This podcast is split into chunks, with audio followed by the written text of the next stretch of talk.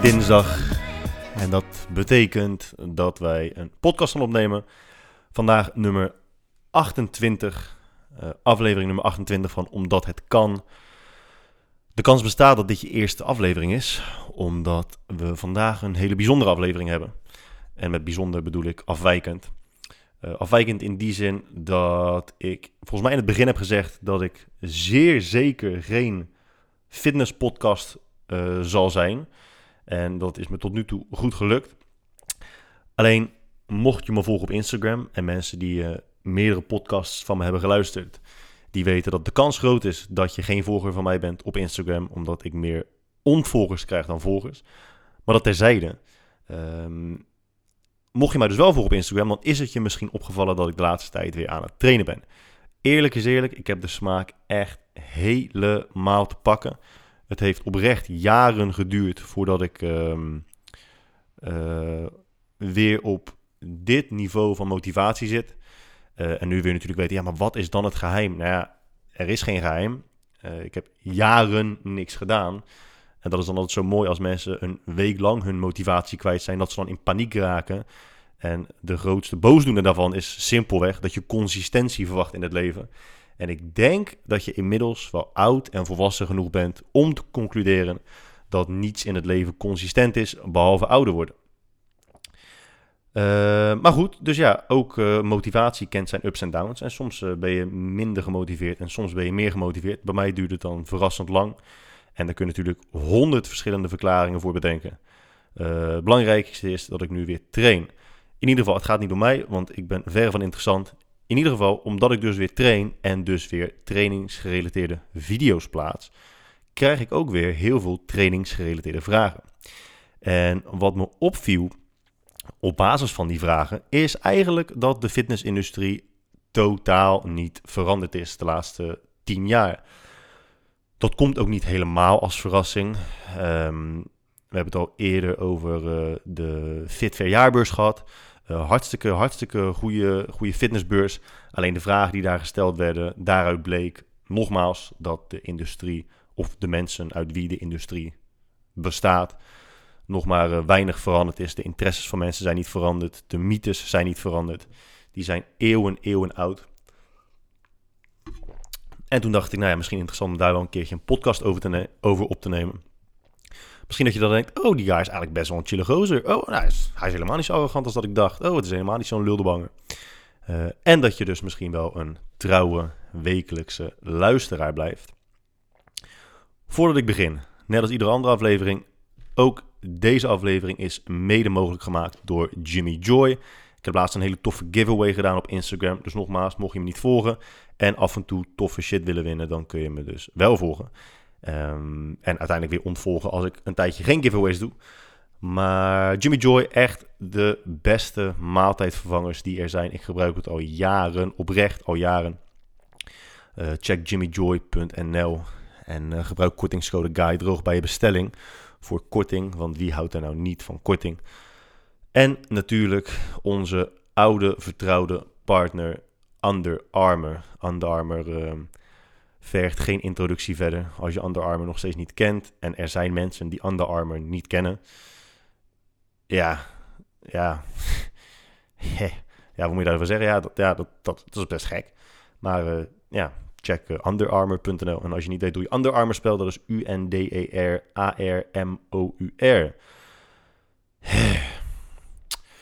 Voordat we ook nog een keer beginnen, nee, nogmaals, voordat we beginnen aan de interessante stof. Heel veel van de vragen die gesteld zijn, worden, zijn al beantwoord in mijn e-book Feit of Fictie.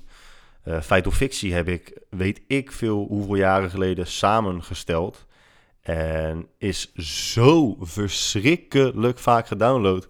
Dat als ik er 10 euro voor had gevraagd, was het waarschijnlijk minder vaak gedownload. Maar dan was ik nu waarschijnlijk wel miljonair. En dat ben ik nu niet. Dus ik heb toch misschien de verkeerde keuze gemaakt. Uh, om hem gratis te maken. Maar goed, in ieder geval, daar gaat het niet om. Het gaat erom dat heel veel van jullie mij schijnbaar dus volgen. Sommigen al langer dan vandaag. En nog steeds vragen stellen als: kan je lichaam maar 25 gram eiwit per dag opnemen? Uh, nee. En dat antwoord heb ik al heel vaak gegeven. Maar dat ga ik gewoon nog een keer doen. Dat is geen probleem. Mocht je dus interesse hebben in dat e-book, ga dan naar guydroog.com. Dat is G-U-Y-D-R-O-O-G.com. Dan scroll je op de computer een heel klein beetje naar beneden en dan vind je rechts in het scherm een uh, inschrijfboxje. En dan kun je dus je e-mailadres opgeven en dan krijg je geen spam, maar wel een bericht als ik een nieuw, een nieuw blogpost plaats of andere fitness-gerelateerde of podcast-gerelateerde e-mails. En je krijgt dus een downloadlink, als het goed is, naar het e-book. Als je het via de telefoon doet, dan moet je helemaal naar, helemaal naar beneden scrollen. En vind je onderin het scherm het uh, inschrijfboxje. dus doe dat en dan uh, kun je je daar nog verder een beetje inlezen. Ik zal ook tijdens deze podcast af en toe refereren naar het boek. Uh, simpelweg omdat ik het dus al geschreven heb en niet het wiel, opnieuw, niet het opnieuw hoef uit te vinden. Het is trouwens, podcast is echt super tof. Ik ben ook echt heel erg blij dat ik het heb uh, gedaan. Alleen af en toe is het wel uh, heftig om aan die... Uh, het is geen verplichting. Ik ben jullie echt geen ene flikker verplicht. Alleen, ehm, ja, je voelt toch een soort van verantwoordelijkheid. En dan af en toe is het echt gehaast en snel tussendoor. Net zoals vandaag. Dus we duiken er gewoon lekker in. Ik denk dat ik met uh, 6,5 minuut al genoeg vol heb geluld. Ik ga even jullie vragen erbij pakken. Uh, ik ga ook gewoon de namen noemen van de mensen die de vraag hebben gesteld. Als je dat niet prettig vindt, dan moet je de volgende keer geen vragen stellen. dus daar gaan we, dames en heren. De eerste fitness, fitness en waarschijnlijk de laatste fitness Tyfus Fitness Podcast. Alright, daar gaan we. Uh, Robin Kelder vraagt: spierpijn voelen voor muscle growth en improvement. En twee, hij stelde twee vragen. Cardio is nodig voor afvallen. Oké. Ehm, interessante vragen. Tenminste, in die zin interessant. Um, er zijn heel veel mensen die dezelfde vragen hebben als jij. Is spierpijn nodig voor muscle growth? Pijn is een complex onderwerp. Uh, pijn is ook een stuk complexer dan we altijd dachten. Uh, om je een heel simpel voorbeeld te geven hoe complex en bijzonder pijn is. Er is een studie gedaan um, met het verrichten van schijnoperaties. En een schijnoperatie is exact hoe het klinkt. Uh, dus je gaat onder narcose en je hebt dus het idee dat je geopereerd gaat worden. Vervolgens word je wakker en word je ook verteld dat je geopereerd bent. Uh, maar er wordt dus helemaal niks gedaan behalve jou onder narcose brengen. Uh, en ik heb dit best een tijd geleden gelezen. Dus het kan zijn dat ik net even een klein detail. Uh, verkeer, me, dat, ik, dat ik me een klein detail verkeerd herinner. maar het, de kern van het verhaal is, is hetzelfde. En die is als volgt. Er waren mensen die al een behoorlijk lange tijd een noemenswaardige hoeveelheid pijn hadden in hun elleboog en knie, geloof ik. Niet dat elk persoon pijn had in zijn knie en in zijn elleboog. Er waren mensen die last hadden van een knie en last hadden van een elleboog. En daarbij was ook nog eens celschade geconstateerd. Dat houdt dus in dat als iemand een MRI-scan maakt van jouw elleboog, dat er daadwerkelijk te zien is dat iets naar de klote is. Eh, je kunt ook pijn hebben zonder dat er daadwerkelijk iets te vinden is. En daar komen we zo meteen op terug. Deze mensen hadden dus daadwerkelijk celschade. Vervolgens werden ze onder narcose gebracht. Uh, na jarenlang pijn hebben. En je voelt hem natuurlijk al aankomen. Uh, bij het uh, ontwaken en het achteraf evalueren van de pijn. was bij 50% van de mensen de pijn weg. Dat is best heftig. en dat is ook een noemenswaardige hoeveelheid. Um, en dat leert ons in hoeverre. Nee, dat leert ons dat pijn voor een heel groot deel neurologisch is. Oftewel puur en alleen afhankelijk van het brein. Uh, dat is dus ook waarom, dat, daar had ik het net al even over, dat is dus ook waarom je pijn kunt voelen zonder dat er celschade is. Uh, neem bijvoorbeeld mijn elleboog. Ik heb uh, ooit een keer een heftige tenniselleboog gehad. En elke keer als ik nu dus armpje druk en de spanning op mijn elleboog echt maximaal wordt, dan heb ik de dag en vaak dezelfde avond, maar ook de dag daarna, ondraaglijke pijn. En dan bedoel ik echt dat mijn lichaam ongecontroleerd begint te trillen en dat ik ja, ik, ik functioneer dan gewoon echt niet. Het, het beste wat ik dan kan doen is zes ibuprofen nemen en dan, hopelijk, en dan hopen dat ik eh, zo snel mogelijk flauw val. Ehm, omdat ik de dag daarna dan hopelijk iets beter functioneer. Maar ik heb al 100 MRI-scans gedaan en echo's en weet ik veel wat allemaal. Fysio, manuotherapie, alles onder de zon. En niks werkt. Daaruit kun je ook hoogst waarschijnlijk concluderen. Nee, daaruit kun je dus concluderen dat het hoogst waarschijnlijk neurologisch is. Je hersenen geven gewoon een pijnsignaal af. Ehm, omdat je iets doet wat ooit een keer heeft geresulteerd in schade. Misschien. Uh, maar goed, het feit dat ik er nu al zo lang over kan lullen, betekent dat uh, ik of lang kan lullen, of dat het onderwerp complexer is dan we dachten. En dat is dus ook met spierpijn zo. We dachten dus altijd dat spierpijn eigenlijk alleen maar het resultaat is van microschade, van kleine scheurtjes in de spiervezels. En dat is dus niet zo. Omdat, en dat hier, hier is, e-, dit is enigszins bewijs voor die stelling. Als jij een vergevorderde atleet bent en jij squat al 100 jaar achter elkaar, dan ben je wel een hele, hele gevorderde en vooral oude atleet. Maar goed, je squat dus al uh, geruime tijd. En op een gegeven moment ga je dus de squat vervangen voor een lunge of een split squat. Je verandert alleen maar de beweging. En vervolgens heb je de dag daarna weer verschrikkelijke spierpijn. En dat kan zelfs als jij 180 kilo squat voor 8 reps en Bulgarian split squats doet met lichaamsgewicht dan kun je de dag daarna behoorlijk spierpijn hebben. En dat is niet omdat je spieren opeens weer zo beschadigd zijn. Dat is puur en alleen omdat je een beweging uitvoert waarvan het brein denkt: ho even, dit ken ik niet, dit is waarschijnlijk niet oké. Dus ik geef een pijnsignaal af. Dat het, is eigenlijk gewoon een, een zelfbeschermingsmechanisme. En uh, ja, die negeren we, want hoe vaker we trainen, hoe minder spierpijn we ook ervaren. En dat betekent eigenlijk dat je het lichaam of het brein letterlijk leert dat de beweging die je maakt oké is. En dat is grotendeels wat spierpijn is. En is het dus nodig voor muscle growth? Nee, absoluut niet.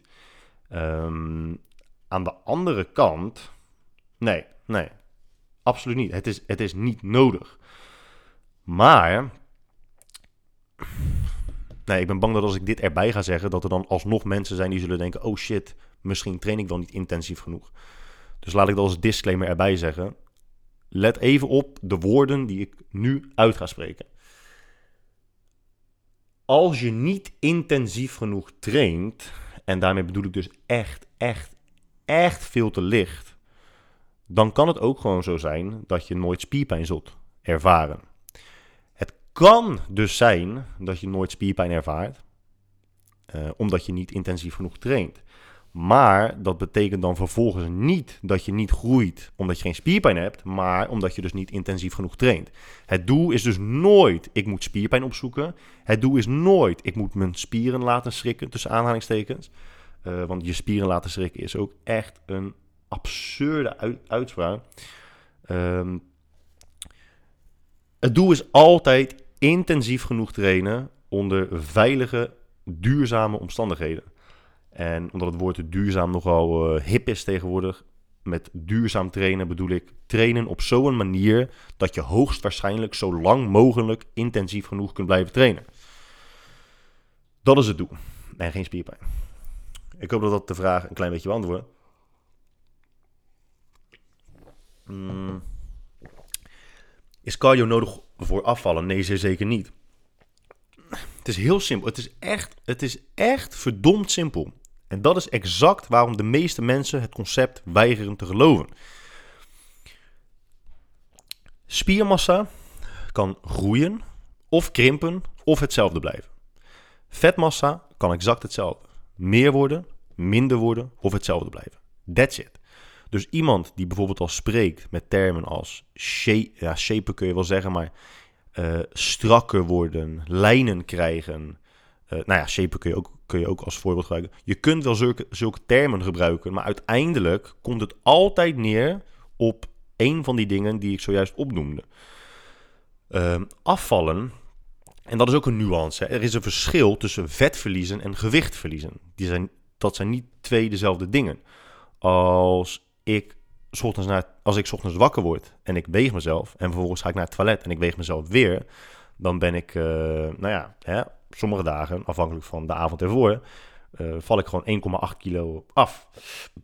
En dat betekent natuurlijk niet dat ik, vet ben, dat ik vet ben verloren. Ik ben gewicht kwijtgeraakt. Dus als we het hebben over afvallen en we hebben daarmee over vet verliezen, dan is om vet te verliezen is het enige wat werkt om vet te verliezen, of het enige wat essentieel is om vet te verliezen, is een structureel calorietekort. En dat betekent simpelweg dat je minder energie binnenkrijgt dan dat je elke dag gebruikt. Wat houdt dat in? Dat alles wat jij in je mondje schuift heel de dag door, geeft het lichaam energie. Maar het lichaam heeft ook energie nodig om te overleven. Dus als je beweegt, gebruikt je lichaam energie. Als jij stilstaat, gebruikt je lichaam energie. Als je slaapt, gebruikt je lichaam energie. Daar komen we zo meteen nog op terug. En dat is dus een balans. Wat gaat erin, wat gaat eruit? Wat gaat erin, wat gaat eruit? Als wat erin gaat structureel meer is dan wat eruit gaat, dan slaat het lichaam vet op om als energie te gebruiken in een later, op een later tijdstip. Als er minder ingaat dan wat eruit gaat, ehm, dan heeft het lichaam energie nodig om in leven te blijven of om, om uh, homeostase noemen ze dat. Dus de, de, de, de huidige omstandigheden, de huidige ideale omstandigheden te, te, te bewaken, uh, zal het lichaam energie uit vet moeten gebruiken. En vervolgens verbrandt het dus vet en krijgt het lichaam energie. En als je dat structureel doet, val je af. Is cardio daarom nodig? Nee, zeer zeker niet. Helpt het? Ja, ja, je gebruikt wat meer energie. Maar dat is zo minimaal en daar vergissen heel veel mensen zich in. Heel veel mensen denken, oh, als ik cardio doe, eh, gebruik ik uh, eh, 1000 calorieën. Uh, verbrand ik 1000 calorieën. En als ik een hamburger eet, nou, dan krijg ik misschien 200 calorieën binnen. Terwijl het meestal andersom is. Als jij een flinke maaltijd eet, krijg je 1000 calorieën binnen. En als jij cardio't, dan, dan verbrand je 200, 300 calorieën. En het is veel makkelijker om één of twee eetlepels olijfolie minder te nuttigen op een dag, dan dat je een uur lang gaat cardio. Uh, het idee dat jij naar de gym gaat om een uur lang jezelf op die loopband te slepen, is moeilijker, vooral op de lange termijn, dan gewoon iets minder eten. En het zal je verrassen hoe makkelijk het is om 200 calorieën uit je dieet te sappen. Want meestal krijg je dat binnen door dingen als olijfolie, boter, uh, drinkbare calorieën. Uh, dus ja, nee, cardio is niet, niet nodig. Dan de volgende. Cindy Inkoch die stelt de vraag: eten na zes uur. Het, het, het, ironische is trouwens dat ik weet dat er mensen zijn die vragen hebben, hebben gesteld en uiteindelijk niet naar de podcast luisteren, omdat ze geen podcasts luisteren. En dan denk ik, ja, waarom stel je dan een vraag? Maar goed, het, uh, het ironische is dus dat deze vraag best een aantal keren is gesteld. Eten na een bepaald tijdstip. En nu vraag ik heel even kritisch denkvermogen van de luisteraar. Als de mythe al niet duidelijk gedefinieerd is, hoe groot is dan de kans dat het waar is? Want de ene persoon zegt, ja, na acht uur mag je niet eten. De andere persoon zegt, na tien uur mag je niet eten. De andere persoon zegt, na, na zes uur mag je niet eten. De andere persoon zegt, na elf uur mag je niet eten. Uh, ja, die vraag is dus best een aantal keren gesteld met dus allemaal verschillende tijdstippen. Hoe groot acht je dus de kans dat die mythe waar is als het tijdstip al zo fluctueert binnen dezelfde... Ja, jongens... Iemand die het lichaam als een heel simplistisch iets beschouwt of beschrijft, weet waarschijnlijk niet waar hij of zij het over heeft. Uh, dat kun je een beetje als uitgangspunt uh, gebruiken. Iemand die, iemand die heel, heel laconiek tegenover je zit en die zegt tegen je: Ah, nee joh, weet je, het zit zo. Ah, je gaat gewoon, uh, als je s'nachts naar bed gaat en je doet je ogen dicht, ja, dan gaat het vuurtje uit. En ja, dan, dan, ja, dan verbrand je geen calorieën. En als je dan vervolgens ochtends wakker wordt, ja, dan moet je natuurlijk dat vuurtje weer aanwakkeren. En de enige manier om dat vuurtje aan te wakkeren is natuurlijk gewoon door het ontbijten. Hè? Je weet het, je weet wat ze zeggen. Ontbijten is echt uh, de belangrijkste maand van de dag. dat, vuurtje, dat vuurtje moet je lekker aanhouden de hele dag. Uh, weet je, gewoon zes tot acht maaltijden per dag en dan blijft het vuurtje lekker aan. Iemand die zo praat moet A, ja, zijn kop, kop in laten stampen. Uh, B, zich realiseren dat hij of zij als, tussen aanhalingstekens, professional verantwoordelijkheden, verantwoordelijkheden met zich meedraagt en mensen, goedgelovige mensen tegenover uh, hem of haar, kan beïnvloeden. En die luisteren naar je en denken, oh, nou ja, dit is een professional, hij weet waarschijnlijk waar hij het over heeft. Maar niets is, eh, niets is minder waar. Het, eh, ja. Ik zeg net dat als je het lichaam als iets simplistisch beschrijft, dat je dan waarschijnlijk niet weet waar je het over hebt. Maar het, het, het feit. Wat ik nu ga zeggen is, is waar. En het is zo'n simpel feit dat het idee dat mensen daar nog steeds niet bij stilstaan. En met mensen bedoel ik fitnessprofessionals, is, is echt te bizar voor woorden. Maar goed, wat gebruikt nou heel veel energie elke dag? En dat is niet Jantje of Pietje of Kareltje die op de loopband staat. En dat is niet uh, Marieke die de uh, boodschappentas uh, eh, 100 meter moet, moet sjouwen. Dat is niet waar je heel veel energie voor nodig hebt. Waar je heel veel energie voor nodig hebt, is het onderhouden van het lichaam in de huidige staat zonder ook maar iets te hoeven doen. Ademen kost energie. Nadenken kost energie. Uh, je nieren gebruiken energie. Je hersenen gebruiken dus energie. Je hart om, om bloed te pompen gebruikt energie. Veel energie. En ja, ondanks dat ik soms wel de indruk krijg dat er mensen zijn die geen van voorgaande organen uh, hebben. Dus die, die, die, ja, die een brein hebben die eigenlijk vrij weinig uh, werkt. En een hart die waarschijnlijk ook niet zo heel veel uh, bloed naar de nodige plekken pompt. Dat idee krijg ik wel af en toe. Maar ja, over het algemeen kun je zeggen dat de meeste mensen die in bed gaan liggen nog steeds heel veel energie gebruiken. Omdat je anders letterlijk doodgaat. En jij bent niet dood s'nachts. Je hebt misschien geen bewustzijn, want je hebt niet het idee, je, je hebt totaal geen idee wat er om je heen gebeurt. Maar je leeft nog, je ademt nog. Soms heb je behoorlijk intensieve dromen.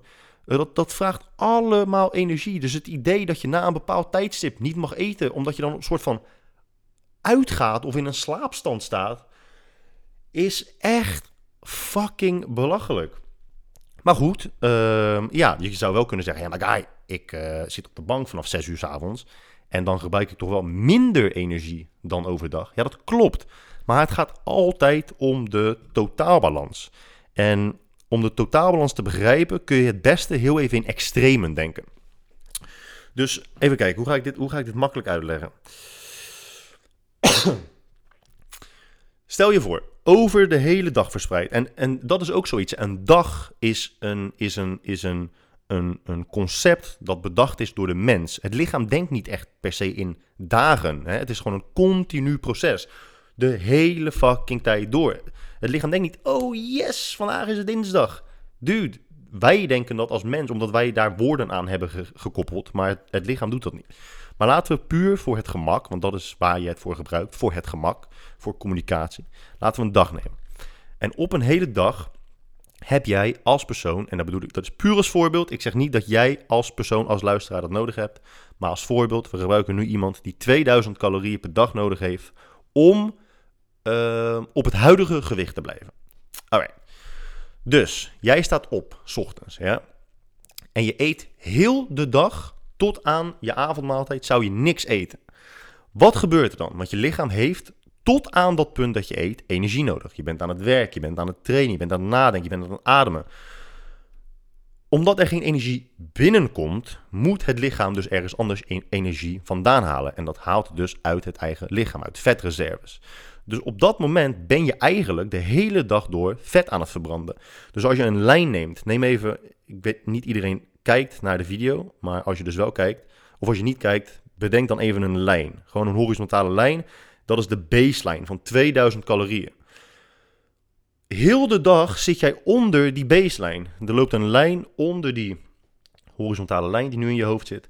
En dat betekent eigenlijk dat je onder het energieniveau zit dat nodig is om op gewicht te blijven. Dat betekent nogmaals dat je, dat je uh, vet aan het verbranden bent. en die lijn blijft maar naar beneden dalen, naar beneden dalen, naar beneden dalen. Op een gegeven moment eet jij in één maaltijd, s'avonds na 10 uur, 2000 calorieën. Dat betekent dat je in één keer, boom, naar die baseline schiet. En dit is even grof gezegd. Hè. Dit is puur zodat je een beetje een idee krijgt van hoe het enigszins in elkaar zit dan schiet de lijn in één keer naar de baseline toe en blijf je dus over heel de dag op 2000 calorieën die je binnen hebt gekregen. Als jij dus, als je dat niet doet, uh, stel je voor, jij wordt ochtends wakker en je neemt gelijk 2000 calorieën. Boom, dan schiet je naar de baseline toe.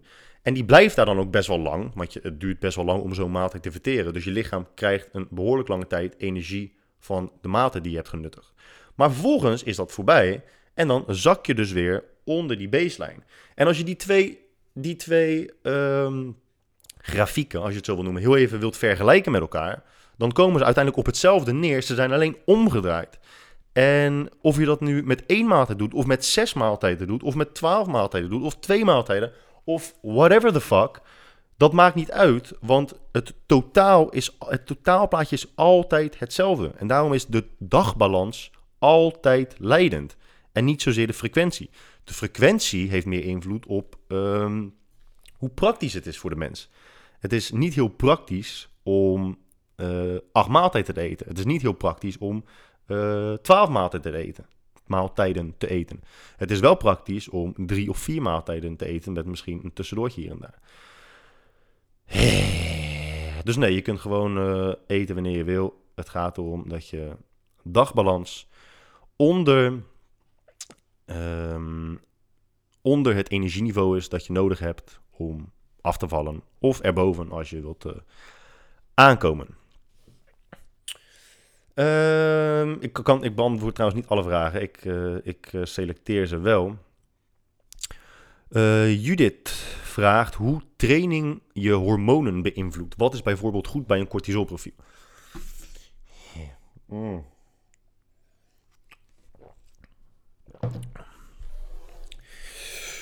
Ehm, nou, voor degenen die geïnteresseerd zijn, als je dus naar guidedroog.com gaat en je zoekt daar op uh, uh, hormoonfactor, denk ik. Hormoonfactor spel je aan elkaar. Dan krijg je daar twee, uh, drie artikelen. Afvallen door je hormonen in balans te brengen. Je krijgt afvallen door je hormonen in balans te brengen de reacties. En afvallen door je hormonen in balans te brengen, deel 2. Deel 2 is geschreven samen met Menno Henselmans van Bayesian Bodybuilding. En uh, eh, 1 en 2 zijn geschreven samen met uh, Chi van Chivo opleidingen.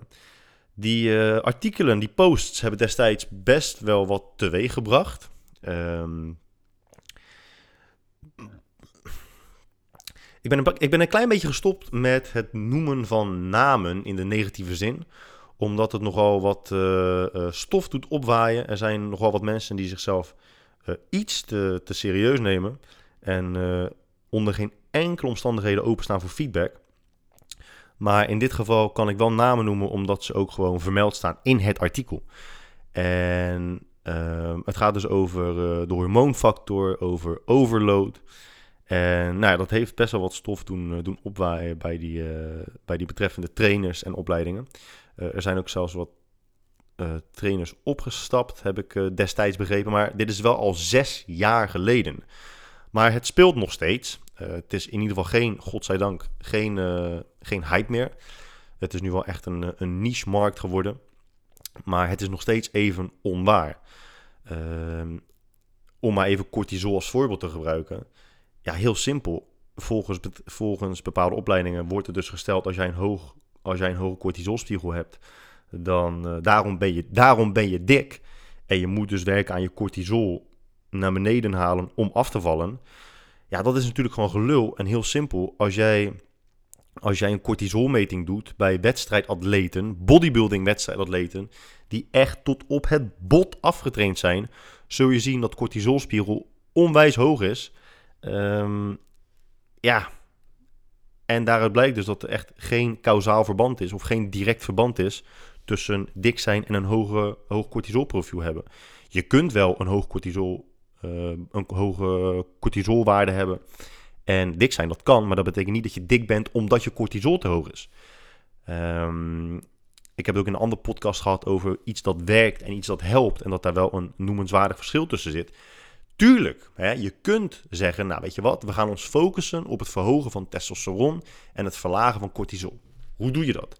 Nou ja, we gaan gezonde eten, we gaan trainen, uh, en we gaan uh, uh, stress verminderen in ons leven. Dan zul je zien dat op de lange termijn testosteron waarschijnlijk verhoogt, cortisol waarschijnlijk verlaagt en alles weer een beetje in balans komt. Maar dat is het kip- en het ei-verhaal. En het helpt, het kan dus helpen om met die insteek een traject in te gaan, maar het werkt niet op de manier dat gezegd wordt. En daar kun je, ehm, daar kun je, uh, dat kun je weigeren te geloven. Hè? Want je kunt natuurlijk zeggen, ja, nee, maar het is echt niet zo simpel als dat je zegt. Want je, hè, het ligt ook aan wat je eet. En als jij 5000 calorieën uit, uh, uit groente eet, dan kom je niet aan. Nou ja, probeer het eens, zou ik zeggen. En dan zul je zien dat je wel degelijk aankomt. En er zijn ook genoeg studies gedaan waaruit blijkt dat je daar wel degelijk van aankomt. En dat je ook af kunt vallen door alleen maar snoep te eten, zolang het maar niet te veel is. Um, ja, nee. Het, weet je, neem bijvoorbeeld testosteron. Want er waren ook een aantal gasten die, die de vraag stelden. Uh, maak je meer testosteron aan als je benen traint? Uh, maak je meer groeihormoon aan als je, als je compound oefeningen doet? Ja, maar daar heb je helemaal geen ene kloot aan. Het is, hoe kan je het vergelijken? Mm, stel je voor, jij verdient nu 2500 euro per maand. En iemand zegt tegen je, ja maar ho even. Als, jij, als jij nou dit doet, dan ga je 2503 euro per maand verdienen. Nu moet je een gegeven paard nooit in de bek kijken. Nee, het is geen gegeven paard, want je moet iets doen voor die 3 extra euro. Nu zou je nooit jezelf te goed moeten voelen voor die paar extra euro's. Maar die paar extra euro's in het geheel van 2503 euro gaat geen noemenswaardig verschil teweeg brengen. Um, als je bijvoorbeeld testosteron injecteert, dan ga je van 2500 euro per maand naar 7500 euro per maand verdienen. Dat maakt een noemenswaardig verschil.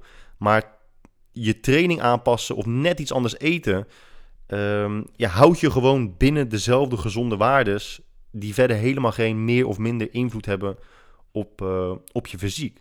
Kijk, als je een te lage testosteronspiegel hebt door bijvoorbeeld uh, veel te dik te zijn, uh, structureel veel, veel, veel te weinig slapen, structureel veel te gestrest zijn, ja, dan kan het eens zijn dat dat soort dingen aanpakken um, gaat helpen. Maar dan kom je dus van een ongezonde waarde naar de gezonde waarde. En dan heb je het dus niet over de normale mens. En denken dat jij uh, sowieso te weinig testosteron hebt, is waarschijnlijk sowieso niet waar. Dus nogmaals, trainen voor je, voor je hormonen. Uh, ik zou er niet heel veel tijd en aandacht aan besteden. En ik besteed hier ook bewust niet heel veel tijd en aandacht aan, omdat je dus gewoon op guidedroog.com die artikelen kunt lezen. En die zijn behoorlijk uh, uh, uitgebreid. Dus ik hoop dat je daar iets aan hebt. ja, dan gaan we naar de volgende. En dat is, ik ben hem even kwijt. Even kijken. Ehm, intermediate fasting. Ja, sommige mensen stellen ook niet echt een vraag. Hè? Die, die, die knallen er gewoon een term in. En denk ja, oké, ja, what's the fucking question? Uh, intermediate fasting, het is intermittent, intermittent fasting. Uh, intermediate betekent uh, gemiddeld. Intermediate. Ja, betekent gemiddeld. Gemiddeld in de zin van hoe gevorderd je bent.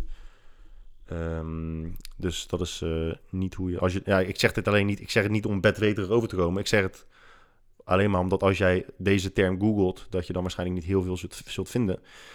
Uh, intermittent fasting is, is interessant. Ik, ik moet eerlijk toegeven dat ik de, de, de wetenschappelijke literatuur daar echt al jaren niet op heb nageslagen. En dus geen idee heb hoe ver ze daarin zijn. Destijds leek het wel uh, interessante dingen met zich mee te kunnen brengen. Ik heb het ook een tijdje gedaan. Uh, maar nogmaals, het is, het is altijd het middel. Een middel en niet het doel. Mensen maken altijd van een middel een doel. Uh, net als met iedereen die nu aan het fucking mediteren is. Mediteren is niet het doel. Het is een middel om iets gedaan te krijgen. Daar heb ik het ook al in een andere podcast over gehad. Intermittent fasting is geen doel. Het is een middel om het doel dat je hebt hopelijk iets makkelijker te kunnen bereiken. Je kunt niet zeggen, ja, ik wil intermittent fasting doen, want dat iedereen zegt dat het heel goed is. En nu ga ik er alles aan doen om dat maar te kunnen doen in mijn leven. Je kan, god, je kan niet fucking bouwvakker zijn en dan om zeven uur s ochtends wakker worden. Of, of al aan het werk zijn tot drie uur s middags. Fysiek zwaar werk moeten verrichten.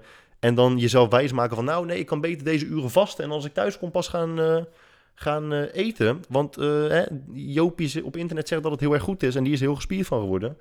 En daardoor je werk en je bui en je, de invloed op je collega's en de invloed op je werkgever en misschien wel de invloed op uiteindelijk je carrière, kun je toch niet negatief laten beïnvloeden omdat jij fucking intermittent fasting wil doen. Maar goed, als het wel werkt, als het eh, wel aansluit op jouw lifestyle, dan zou je het best eens eh, kunnen proberen. Het is bijvoorbeeld wel heel goed om. Kijk, waar ik het wel heel goed voor vind, is om mensen. Nou, daar ga ik zo meteen op terugkomen. Want ik zag een vraag voorbij komen. En uh, ik wil dat. Uh, ik wil die stelling. Wat ik, wat ik wilde gaan zeggen, wil ik eigenlijk gebruiken als uh, een van de antwoorden op die andere vraag. Dus daar kom ik zo meteen op terug.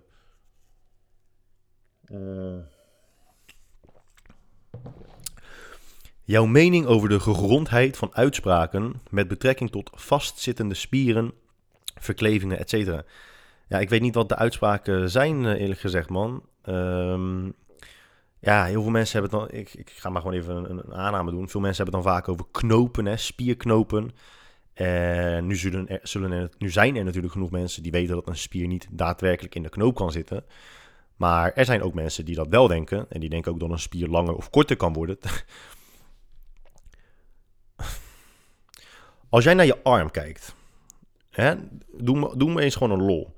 Kijk eens naar je bicep. Dus, dus leg even je, de, de, de, hand van je rug even op tafel. En met je handpalm dus naar boven toe.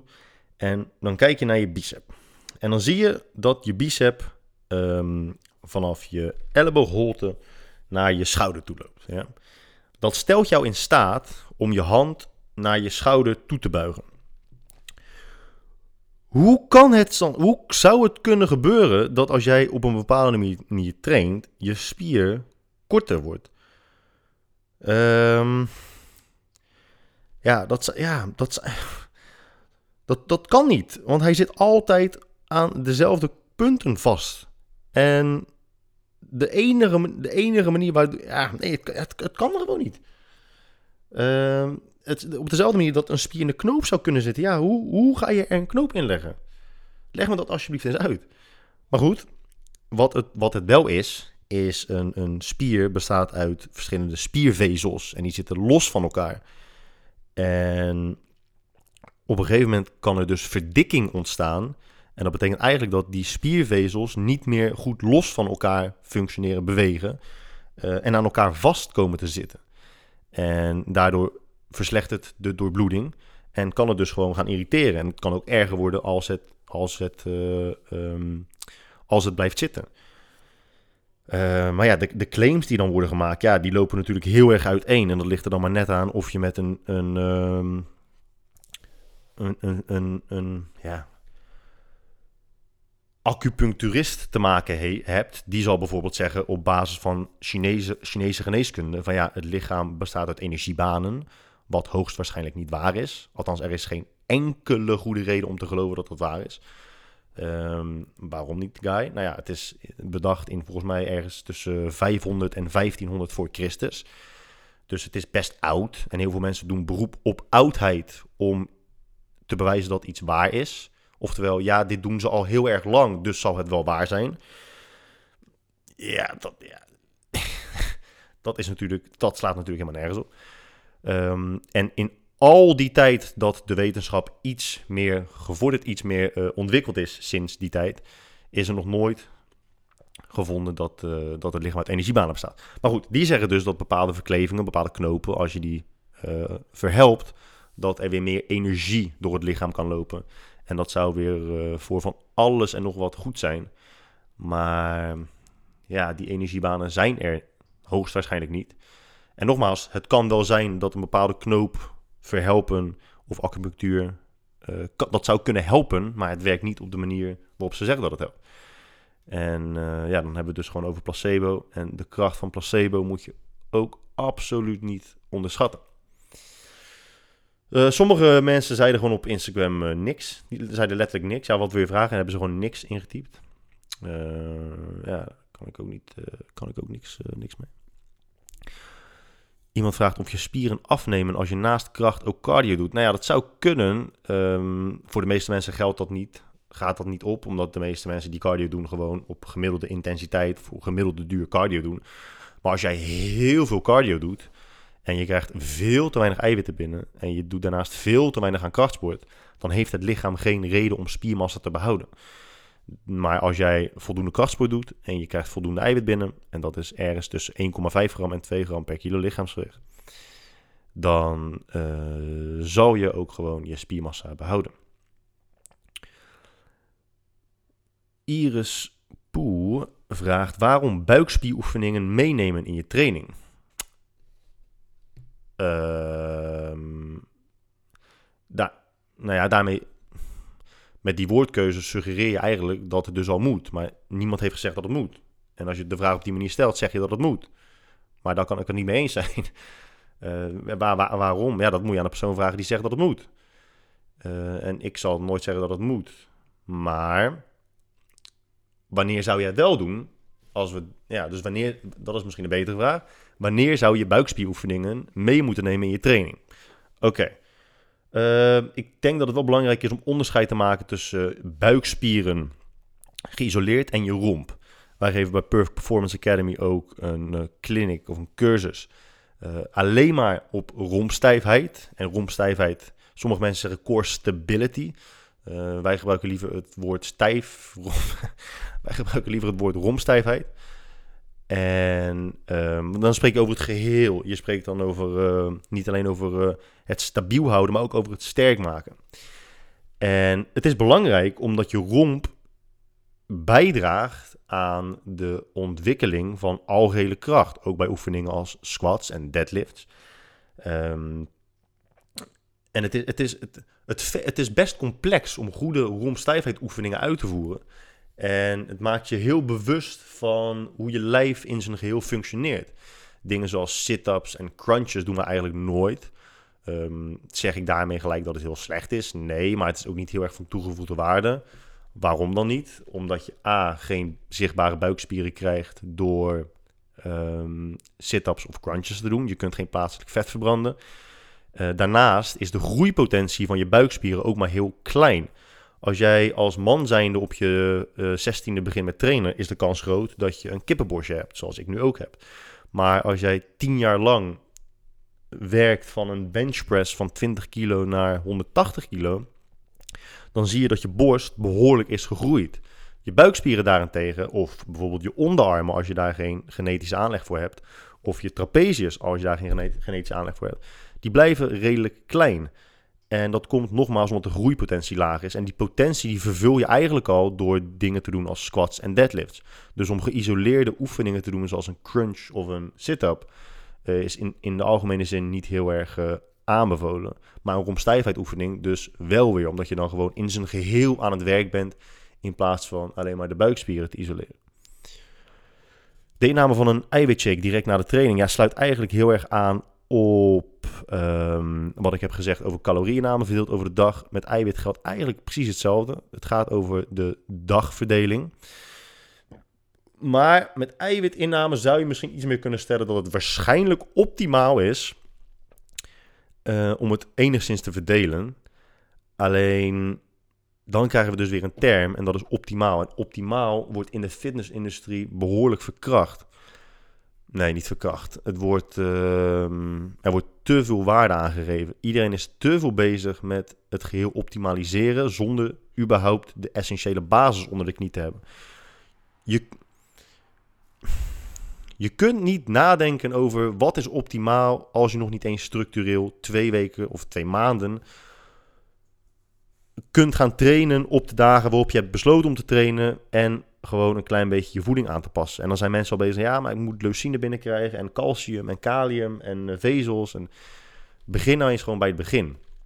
En je zult merken dat als jij nooit op je eiwitinname hebt gelet, dat je veel minder eiwit binnenkrijgt dan je denkt. Heel veel mensen denken, oh, ik ga beginnen met krachttraining, shake na de training, bam, dat is genoeg. En dan ga je, dan ga je nadenken hoeveel gram dat is, of je gaat tellen hoeveel gram dat is. En dan kom je erachter dat je nou ja, echt misschien maar 25% van de aanbevolen dagelijkse hoeveelheid voor sporters met de doelen die jij hebt, uh, dat je daar nog niet, dat je daar pas aan komt, aan, aan, aan die 25%.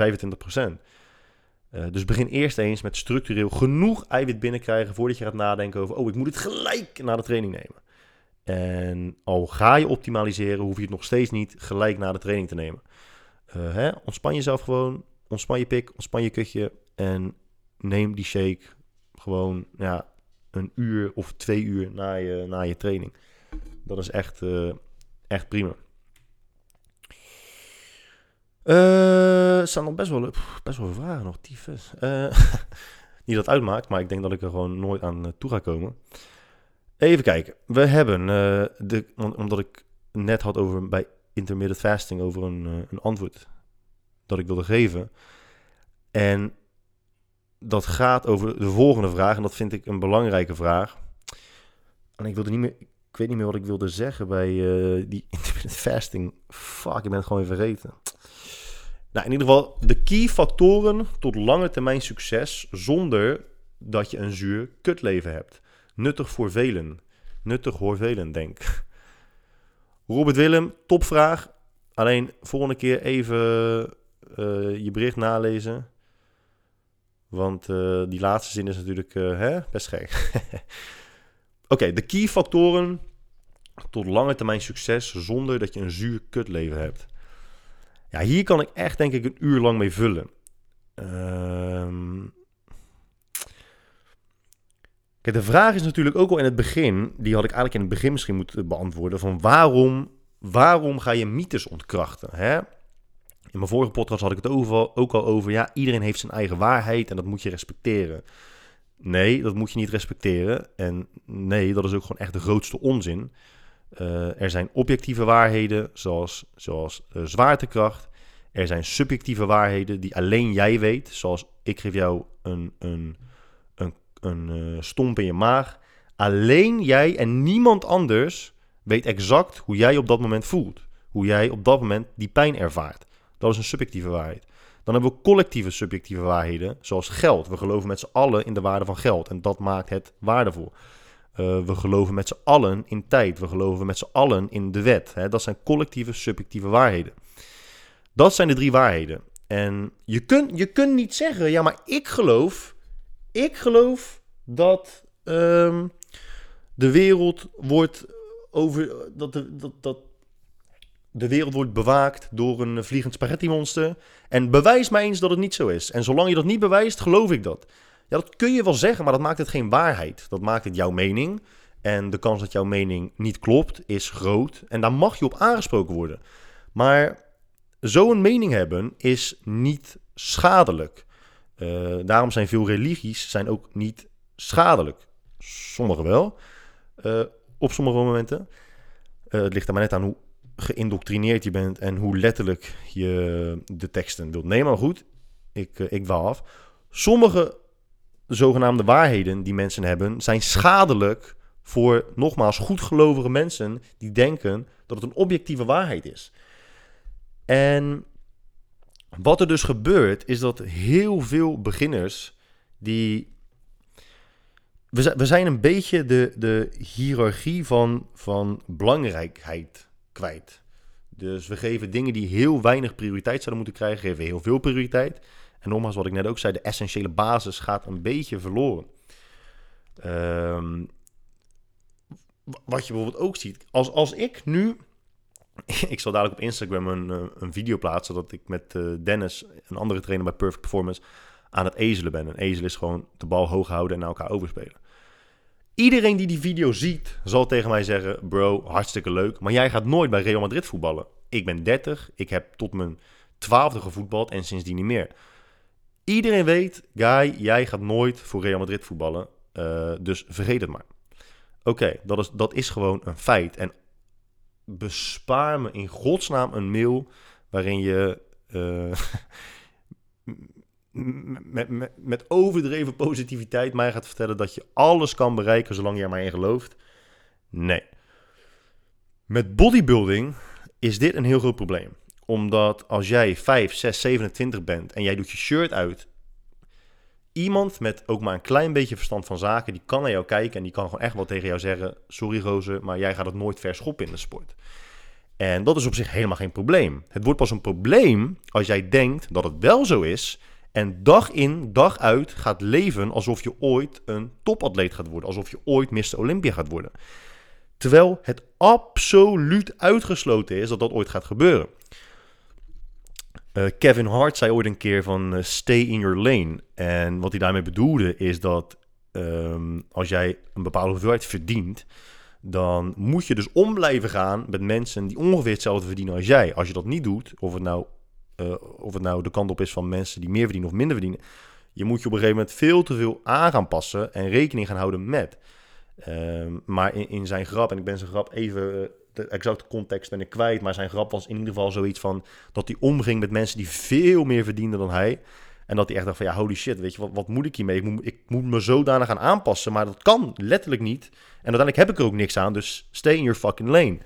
En dat moet met bodybuilding ook gewoon veel meer gebeuren. Met mensen die de sport veel te serieus nemen, terwijl het een absolute garantie is dat ze nooit ergens gaan komen. En ik bedoel dit echt helemaal niet pessimistisch of neerbuigend, of dat ik zeg, hè, jullie zijn allemaal een stelletje idioten en jullie nemen het allemaal veel te serieus. Nee, je kan het wel serieus nemen, maar het betekent niet. Er, is een heel groot verschil tussen iets serieus nemen en je leven zodanig aanpassen alsof je al Mr. Olympia bent. Um, concrete voorbeelden. Je hoeft dus niet elke fucking nacht de wekker te zetten om vijf uur, omdat je nog een eiwitshake moet drinken, omdat je al drie uur geen eiwit binnen hebt gekregen. Je hoeft niet kosten wat het kost, zonder ooit een uitzondering te maken, op een bepaald tijdstip te gaan trainen. Uh, en altijd allerlei sociale verplichtingen of niet-verplichtingen daarvoor opzij te schuiven, omdat je absoluut moet gaan trainen. Want als je dat niet doet, ja, dan kan je je doelen nooit bereiken. Nee, en dat, weet je, dit zie je. En ik ben, ik, ja, ik, ik win me nu een beetje op, want ik vind het ook heel irritant dat mensen dat gewoon niet inzien, omdat ze dat alleen maar met fitness hebben. Weet je, het is zo, het is zo fucking ironisch dat mensen, de meeste mensen willen succesvol worden. Hè? Ik denk dat 9 van de 10 mensen ja zouden antwoorden op de vraag: zou je misschien wat meer willen verdienen? Oké, ja, wat doe je daar nou voor? Ja, nou, ik doe mijn best op mijn werk. En dan hoop ik dat, het zo voor, dan hoop ik dat ze over een paar maanden zien eh, wat ik waard ben. En dat ik dan een, een loonsverhoging krijg. Ja, never gonna fucking happen. Waarom, als je, als je zo succesvol zou willen worden, waarom ga je daar dan niet daadwerkelijk naartoe leven? Waarom ga je dan niet gedragen als iemand die dat daadwerkelijk wil? Maar het lijkt alsof iedereen al zijn wilskracht alleen maar in fitness stopt. Ze staren zich zo fucking blind op een doel dat ze nooit kunnen bereiken. Het is niet eens, het is niet eens willen. Dat is, dat, is, dat is het grootste probleem. Ze willen er wel, maar het kan gewoon niet. En er zijn nu genoeg mensen die me gewoon niet geloven. Maar nogmaals, dat is alleen maar met bodybuilding zo. Ik denk dat te veel mensen onderschatten hoe fucking moeilijk het is. En ook gewoon voor de meesten genetisch onhaalbaar. En ook nog eens dus de rol van genen zwaar onderschatten. Hoeveel mensen, hoeveel gasten zeggen wel niet, ja, ik wil een grotere borst. Ja, dude, ja, je, ja, je kan pompen wat je wilt, maar je gaat nooit zo een enorme borst krijgen als Schwarzenegger. It's never gonna happen, nooit. Of, of, of vrouwen die, uh, ja, die niet echt een bil hebben, en dan zeggen, ja, ik wil uh, dezelfde beeld als... Uh, en dan laat ze een of andere fit zien met echt zo'n fucking reet. Dat ik denk, ja, lieve schat, dat gaat echt nooit gebeuren. En die chick die hij mij nu laat zien... heeft ook niet zo'n reet gekregen... door die fucking lompe oefeningen die ze doet op Instagram-video's. Dus, een van de key factoren... Hè, om je vraag te beantwoorden... is stay in your fucking lane... Eh, zorg een klein beetje voor kritische zelfevaluatie. Denk eens echt goed na over, en laat je ook informeren over wat, wat is er voor jou mogelijk. En tuurlijk, je kan niet altijd vooraf bepalen wat uiteindelijk mogelijk is. En je kan ook wel voor een bepaalde tijd, en dat mag ook jaren zijn, proberen te werken naar een doel dat daar zo dicht mogelijk van in de buurt komt. Maar om je gedrag en je leven volledig om te bouwen naar dat van een professioneel atleet vanaf dag 1 slaat helemaal nergens op. En het is, ook, het is natuurlijk ook grappig dat mensen weigeren in te zien dat heel veel van dit fitnessgebeuren gewoon een fase is. Het is echt wel een langdurige hype, maar het is nog steeds een hype. En we storten onszelf al in in een hype. Ja, ik heb het daar zo vaak over gehad, maar het blijft het blijft me echt stom verbazen elke keer. Uh, dus dat is eh, een van de key factoren, denk ik, tot lange termijn succes. Mm, een beetje de balans vinden. En ja, kut zo. Wat wilde ik nou zeggen met die intermittent fasting? Ben ik het echt gewoon vergeten? Dat ik mezelf veel te van opwinden ben. hmm. Nee, ik weet het echt niet meer. En dan ga ik het straks, dan ga ik niet terugluisteren. En ik luister het nooit terug, maar dan zegt iemand het en denk ik, oh ja, fuck, dat was het. Um, ja, nee, ik weet het echt niet meer, man. Shit. Nou ja, goed. Even kijken. Personal trainers die bij cliënten thuis training geven. Ja, uh, vind ik een interessante. Als cliënt zijn, als consument zou ik altijd kiezen voor een personal trainer die een eigen gym heeft of training kan geven in een gym, omdat je daar gewoon als ja, het ligt aan je doelen. Laat ik, het, laat het anders zeggen.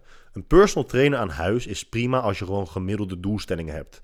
En dat sluit dus wel aan op mijn vorige punt. Dan kies je dus ook gewoon een trainer die uh, jou kan geven wat je nodig hebt. En uh, ja, als je een personal trainer aan huis nodig hebt, dan heb je waarschijnlijk ook bepaalde andere behoeftes. Die je niet altijd in een uh, openbare sportschool kan krijgen. Daar zeg ik, bedoel ik verder niks mee. Maar dat, dat, zou, dat zou kunnen. Hè? Zou, uh, we, hoeven niet, we hoeven het niet uit te sluiten. Dat dat uh, wel eens kan gebeuren. Onder bepaalde omstandigheden. Ik denk dat het ook een beetje status is. Hè? Vergis je ook niet hoe uh, statusgericht mensen zijn. Als jij denkt dat jij een um, t-shirt koopt waar fucking groot Icon op staat, of uh, D-Squared op, staat, of Gucci op staat. Omdat je het alleen maar heel erg mooi vindt en daar dan graag 500 euro aan uitgeeft. Ja, dat maakt je natuurlijk niemand wijs. Je kan het ook wel mooi vinden, maar een heel groot, een, een, een, een hele grote factor die je reden beïnvloedt, die je, die je koopgedrag beïnvloedt, is status. Je wil gewoon aan mensen laten zien van, yo, kijk eens, ik kan een Gucci shirt kopen. En dat is daar is ook niks mis mee. En dat is het probleem. Als je dat tegen iemand zegt, dan denken ze: Oh, nee, helemaal niet. Uh, ik, uh, nee, zo ben ik niet. Ja, zo ben je wel. En heel veel mensen zijn zo. Maar daar is ook echt letterlijk helemaal niks mis mee. Uh, godverdomme, heel de wereld is uh, kapitalistisch ingesteld. Dus dat jij daar ook bij hoort, is, maak je helemaal geen uitzondering. maar goed, dat is dus ook met personal trainers. Veel mensen, er zijn mensen die ook een personal trainer nemen puur om status. Want er zijn genoeg mensen die een personal trainer hebben en nooit gaan. Maar dan wel tegen hun sociale cirkel zeggen dat ze een personal trainer hebben. Uh, en ik denk dat een personal trainer aan huis nog, ja, nog, nog wel iets extra's met zich meebrengt. Ik denk als je in een bepaalde, bepaalde wijken, weet je wel, dat iedereen dan zijn eigen personal trainer aan huis heeft. Uh, maar ja, ik kan me wel voorstellen dat dat... Uh, maar goed, ja, lekker boeiend. In ieder geval, je kunt gewoon prima aan huis trainen. Maar verwacht dan niet dat je na een jaar 160 kilo kunt squatten. Uh, de hype rondom pre-workout poeders. Ja, hype zeg je inderdaad goed. En als iets een hype is, is het uh, te overwegen waard. Mm, ja, pre-workouts, ja, het is, het is prima man. Maar weet je, die, het, het, komt een beetje overeen met het testosteronverhaal wat ik net zei. Je kunt, je kunt je lekkerder gaan voelen. Je kunt meer energie krijgen. Um, maar die video's online, dat mensen helemaal uit hun dak gaan, is natuurlijk uh, zwaar overdreven en uh, bijna volledig te wijten aan placebo. Mm. En aan saamhorigheid. Hè? Het is, je hoort er dan ook bij. Het is. Uh, neem bijvoorbeeld Joel Beukers. Die gozer heeft het fucking goed gedaan. Maar de reden dat hij het fucking goed doet, is omdat er fucking veel mensen zijn die heel graag willen doen zoals hij doet. Die willen heel graag in de gym uh, zijn uitspraken roepen. Die willen heel graag aan hun vrienden laten zien hoe fucking grappig zij ook kunnen zijn. Uh, die willen ook uh, losse poeder in hun bek scheppen terwijl je het gewoon kunt blenden, gewoon kunt, kunt shaken met water. omdat hij dat ook doet en hij heeft status verdiend. En als je dan doet zoals hij doet, verdien jij ook wat status. En dat, en dat is prima. Nogmaals, dat is, dat is eenmaal prima. maar goed, mensen gaan dus inderdaad mee met die hype. Maar het is puur en het is vaak, over, het is vaak ondergedoseerd en overpriced. Um, en er zijn maar weinig, weinig bewezen effectieve uh, ingrediënten die daadwerkelijk bijdragen aan uh, prestatiebevordering. Maar uh, creatine is daar wel één van. Dus als je gewoon losse creatine neemt, is dat prima. En creatine kun je gewoon elke dag 3 tot 5 gram nemen. Je hoeft niet per se te laden. Je hoeft niet te cyclen. Gewoon, bam, gewoon bam. Ehm, elke dag 3 of 5 gram is helemaal prima. Ehm, even kijken hoor. Rico, flexible dieting, maakt het echt niks uit dat je lijf koolhydraten binnenkrijgt uit donuts of fruit? Nou ja, in die zin, uh, nee, niet om aan te komen. Nogmaals, je krijgt x aantal hoeveelheid energie binnen. Um, en als dat 200 calorieën uit een stuk fruit is of uit een donut, is het nog steeds 200 calorieën aan energie. Er zijn natuurlijk andere factoren waar je naar moet kijken van hoe erg verzadigt het een vergeleken met het ander. Je kunt beter, zeker als je af wilt vallen, kiezen voor producten die meer verzadigen. Uh, je kunt beter kiezen voor producten of voor een groot deel kiezen voor producten waar ook genoeg vitamines en mineralen in zitten. Je kunt elke dag alleen maar donuts eten en overleven. Dat kan. En slank zijn, dat kan. Maar het bevordert waarschijnlijk niet de gezondheid op de lange termijn. En je lichaam denkt ook niet in, oh, dit is een donut, oh, en dit is een banaan. Ja, het verwerkt de ingrediënten die het binnenkrijgt en doet daarmee wat nodig is op dat moment. Hoe om te gaan met cliënten die in bijvoorbeeld Life Plus en Miriam, Miriam Life supplementen geloven? Ja, goed, dat vind ik best een leuke vraag. Ik denk dat we daar ook mee gaan eindigen. Uh, even kijken of ik nog een korte vraag ertussen heb zitten. Mm, mm, mm, even kijken. Uh, uh. Ja, dit is een korte van, ja, korte, het is wel een fucking lange tekst, maar van Willy Nie. Situatie, ik zit nu in een bulkfase aan 3000 calorieën en met één klein dumbbell press doe ik 48 kilo. Ja, dat is gewoon een beetje opscheppen, daarom zeg je dat. Doe ik 48 kilo 3 keer 6. Stel, ik ga nu rustig aan kutten en om de 2 à 3 weken 200 calorieën zakken. Ik zou niet om een bepaald. Ik zou niet vooraf al bepalen dat je om de 2 à 3 weken gaat zakken. Ik zou pas zakken op het moment dat je niet langer afvalt met de hoeveelheid calorieën die je binnenkrijgt. Blijf je dan met hetzelfde gewicht trainen of ga je dan lichter? Uiteindelijk zal ik bijvoorbeeld op 2300 calorieën uitkomen, maar dan lukt het mij niet meer om overload te creëren met deze gewichten pak ik dan lichtere gewichten en probeer dan weer elke week progressie te boeken. Snap je hem nog? Haha, ik snap hem nog. Um, je doel is altijd zo sterk mogelijk blijven. En de aanname dat je aanzienlijk zwakker gaat worden is onjuist. Ik weet niet hoeveel je van plan bent af te vallen. Maar tenzij je het over tientallen kilo's hebt, zul je niet heel erg veel zwakker hoeven te worden. Vaak uh, zwak je af omdat je al weet dat je minder eet en denkt dat je daardoor minder sterk zult zijn dat is een hele grote, uh, een hele belangrijke factor voor waarom mensen in een kut, in een cut uh, afzwakken. Omdat ze ervan uitgaan dat dat zal gebeuren. Of omdat ze dus echt extreem veel gewicht verliezen. Of omdat ze zodanig weinig eten dat ze gewoon geen energie hebben om te trainen. Als je dus merkt dat je zwakker wordt rondom je trainingen in een cuttingfase, tyfus woord, dan uh, is het misschien raadzaam om je in dat geval je maaltijden wel meer om je trainingen heen te timen. Uh, dan zou je bijvoorbeeld wel kunnen denken aan, aan, uh, aan cafeïne voor de training. creatine kunnen gebruiken. Maar uiteindelijk is het doel gewoon altijd zo sterk mogelijk blijven. En ja, je hoeft tijdens, een, tijdens het kut hoef je echt niet zwakker te worden. Dat is een onjuiste aanname. Oké, laatste vraag. Haal ik dat nog? Mm, ja, haal ik nog. Uh, nogmaals, hoe om te gaan met cliënten die in bijvoorbeeld Life Plus en Mirren Life. Ik ken Mirren, Mirian, Mirain. Oh, My Rain Life is het misschien. My Rain Life. Mijn regenleven. Right. Um, hoe ga je om met cliënten die daarin geloven? Um, ja, vind vind ik een leuke vraag. En het gaat niet zozeer om cliënten die geloven in een van die twee supplementenmerken. Het gaat er gewoon om dat cliënten geloven in dingen waarvan jij denkt of weet dat ze niet waar zijn. Ja, weet je wat het is? Dat is zo'n complex onderwerp, want je hebt het dus over ja, mensen overtuigen dat wat jij denkt waarschijnlijk waar is en dat wat zij denken waarschijnlijk niet waar is. En waarom zij dat denken en waarom jij anders denkt, wordt beïnvloed door zoveel factoren. We, kunnen, we kunnen inmiddels met zekerheid stellen dat in de meeste gevallen iemand van informatie voorzien niet genoeg is om iemand, ergens van te overtuigen. Dat, is, dat is fair. Uh, of we het nou hebben over religie, of we het nou hebben over buikspierkwartiertjes, over eiwitinna. Ja, bijvoorbeeld, neem bijvoorbeeld mensheld. Het, het idee van mensheld is goed. Hè? Ze doen het al heel lang, ze doen het goed. Maar dan denk ik, jongens, ik werd er dus laatst op gewezen dat ze weer een artikel hadden geplaatst met dat je maar 35 gram eiwit per uh, maaltijd op kunt nemen. Ja, dat is zo achterhaald. Maar mensen lezen dat dan weer. En zonder dat er na wordt gedacht over eventuele consequenties. Of zonder dat er na wordt gedacht over wie ze inhuren om hun artikelen te schrijven. Na al die jaren denk ik, ja, dat is zo, zo zonde. Weet je, help nou eens bijdragen aan het verbeteren van de industrie. Help nou eens, en dat is nog het belangrijkst, help nou eens bijdragen aan het makkelijker maken van mensen hun leven.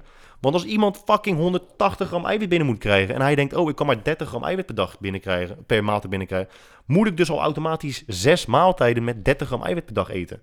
En hoe de fuck bepaal je wanneer het lichaam dan weer klaar is voor een volgende maaltijd? Oké, lichaam, jij krijgt nu maaltijd 1 binnen. En dat is 30 gram, want meer kan je niet opnemen. Oké, dan is je maaltijd op. Ja, als ik dan een half uur later weer zou eten, dan is het toch in principe maaltijd 2 of een uur later. Wanneer ga je de grens over in tijd dat het lichaam zegt: Oké, nu ben ik er klaar voor, kom maar op, volgende 30 gram kan ik weer hebben. Dude, we, het, het is echt. De overtuigingen van de blanke, rijke, westerse man is echt absurd. En, en vrouw. Je mag van, je moet, je moet, je moet van zoveel, nee sorry, je spreekt van zo fucking veel geluk dat jij überhaupt de mogelijkheid hebt om na te denken over hoeveel maaltijden je per dag gaat eten.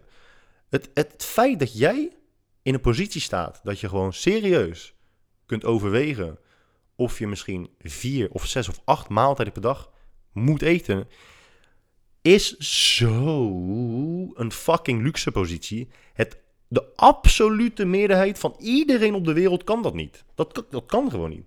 En dan hebben we het nu, hè? Dan hebben we het over nu in 2019. Laat staan um, ehm, 100.000 jaar geleden. Denk je dat 100.000 jaar geleden uh, Neandertalers in hun grot zaten en dachten... Ja, nou ik heb net uh, 30 gram eiwit op. Dus uh, ik kan beter uh, dat stuk vlees uh, bewaren voor een, een later tijdstip. Los van alle gekheid, eiwit is essentieel voor onze overleving. Als het lichaam maar 30 gram eiwit per dag op zou kunnen nemen en je bent genoodzaakt, door welke situatie dan ook, om maar één maaltijd per dag te eten, dude, dan zouden we hier nooit zijn, man. Denk nou eens even na. We zouden nooit succesvol geëvalueerd zijn uh, we zouden nooit zo lang overleefd hebben als we maar elke dag 30 of 35 of 40 of 20 gram eiwit binnen zouden kunnen krijgen. Het Nogmaals, het idee dat jij dat dat ja, dude, echt. Het komt erop neer dat je wel degelijk meer dan 20 of 25 of 30, dat is, dat is precies hetzelfde als na welk tijdstip mag je niet meer eten. Wat, wat, wat de fuck is de mythe nou? Is het nou 20 gram of 25 gram of 30 gram? Wat is het nou? Make up your fucking mind. En verander er niet elke keer van. Maar hoe dan ook, los van, het, van de hoeveelheid, je kunt meer dan, dat, dan die hoeveelheid binnenkrijgen. Uh, dat is geen probleem. En um, hoe, hoe groter de hoeveelheid is, hoe langer het duurt om te verteren, hoe langer de aminozuurafgifte is en hoe meer tijd er dus overheen, hoe meer tijd er dus overheen gaat. Jongens, als jij 100 gram eiwit binnenkrijgt, dan is de afgifte van aminozuren ook vele malen langer dan als jij een, maaltijd eet van 20 gram eiwit. En omdat die afgifte dus langer duurt en er dus meer tijd in je leven overheen gaat, betekent waarschijnlijk ook dat je die meer dat je die langzamere afgifte kan gebruiken, omdat je meer hebt gedaan in die tijd. Maar goed, ik wijk nu helemaal echt compleet af. Hoe ga je om met die cliënten? Uh, het punt was dat als je mensen dus van informatie voorziet, dat dat helemaal niet betekent dat je, zult, dat je ze zult overtuigen. Ik kan dit nu uitspreken naar cliënten toe en dan kunnen ze nog steeds denken, ja, maar ik geloof je gewoon niet. Ja, dat is prima. Eh, maar ik heb er wel voor gekozen om niet samen te werken met mensen die niet geloven wat ik tegen ze te zeggen heb als het gaat om de basis. Tuurlijk, we zullen altijd verschillen hebben. Hè? Als mijn cliënten acupunctuur willen doen, of als ze, weet ik veel wat, eh, als ze spirulina willen gebruiken om zichzelf te ontgiften, doe dat lekker. Ik zal wel mijn, mijn, mijn advies daarin geven, als er om wordt gevraagd. En, uh, maar dat, dat maakt verder niet uit. Maar als, ik, als, als mijn klanten, als mijn cliënten het moeilijk hebben met hun dieet, omdat ze acht keer per dag moeten eten volgens iemand anders die niet ik ben. Ehm, en dat ze daardoor elke keer bij me aankomen met klachten. Ik kan mijn dieet niet volhouden. En ik zeg elke keer, ja, maar je hoeft niet acht keer per dag te eten. En zij zeggen, ja, maar dat moet ik wel doen. En we krijgen daardoor oneenigheid. Dan stopt het er voor mij helemaal mee. Daarnaast kun je ook gewoon denken, ja, respecteren je cliënten wel genoeg? Uh, of kun je het wel overtuigend en duidelijk genoeg brengen? Want we kunnen natuurlijk altijd wel de schuld aan onze cliënten geven. Ja, maar jij, maar jij gelooft mij niet. Ja, maar het kan ook gewoon zijn dat jij het niet goed kan brengen. Dat kan ook. Want uiteindelijk komt het ook neer op overtuigingskracht. En je hebt bijvoorbeeld het Dr. Fox effect. Fox, F-O-X, niet F-U-C-K-S. Waaruit heel duidelijk is geconstateerd, overduidelijk, dat hoe je iets brengt veel belangrijker is dan wat je tegen ze zegt. En uh, dat, ja, je moet het een keertje opzoeken, Dr. Fox effect. Uh, kun je trouwens ook op mijn, kun je ook op mijn blog doen. Uh, kun je opzoeken op waarom geloven mensen dingen die niet waar zijn. maar ja, het, het, het, is wel, het is wel een complex onderwerp. Omdat de vraag is ook... De vraag is eerst, waarom wil je de ander overtuigen? En voor mij is het enige goede antwoord daarin...